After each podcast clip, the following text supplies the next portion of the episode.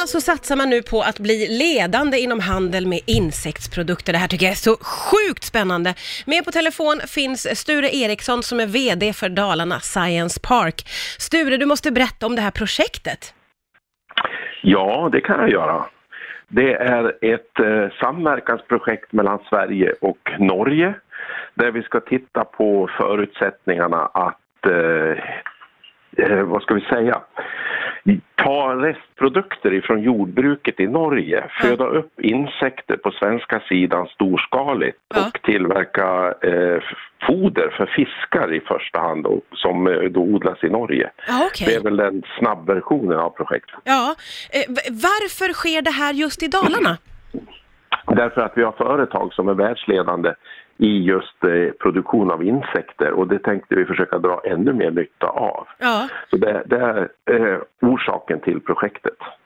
Du, eh, idag så får man ju inte använda insekter i livsmedel vet jag, men hur tror du det kommer att bli i framtiden? Jag tror att vi inom en rätt så snar framtid kommer att få tillåtelse att använda insekter i, även i livsmedel. Eh, dels därför att eh, det, det krävs att vi hittar andra prote, proteinkällor om Ja. vi ska kunna föda en växande befolkning. Och dels därför att i många andra länder så är det här inte alls så konstigt som det förefaller i vårt land. Nej, och vad kommer det här att innebära för möjligheter då, om man säger så, om, om vi ser att det här sker nu i en snar framtid?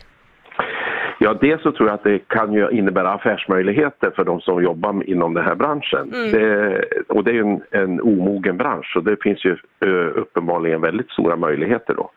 Sen tror jag också att det är ett eh, bidrag till vår eh, uppnå de eh, klimatmål som vi är tvungna att Mm. ta, ta oss an. Därför att produktion av insekter är betydligt mycket mer klimatsmartare än, än att odla vanliga proteinkällor i form av kött och annat. Ja, kommer det att bli så att vi kommer att sitta och käka skalbaggar till middag då, eller hur kommer det här att bli då, Sture?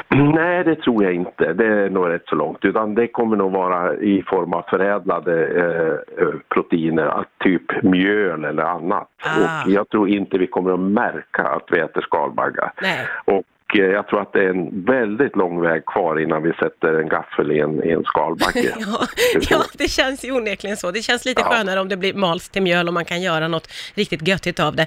Det är ju väldigt spännande. Det ska bli spännande att följa det här. Tusen tack Sture Eriksson som är VD för Dalarna Science Park för att du var med här på Rix FM idag. Tack själv!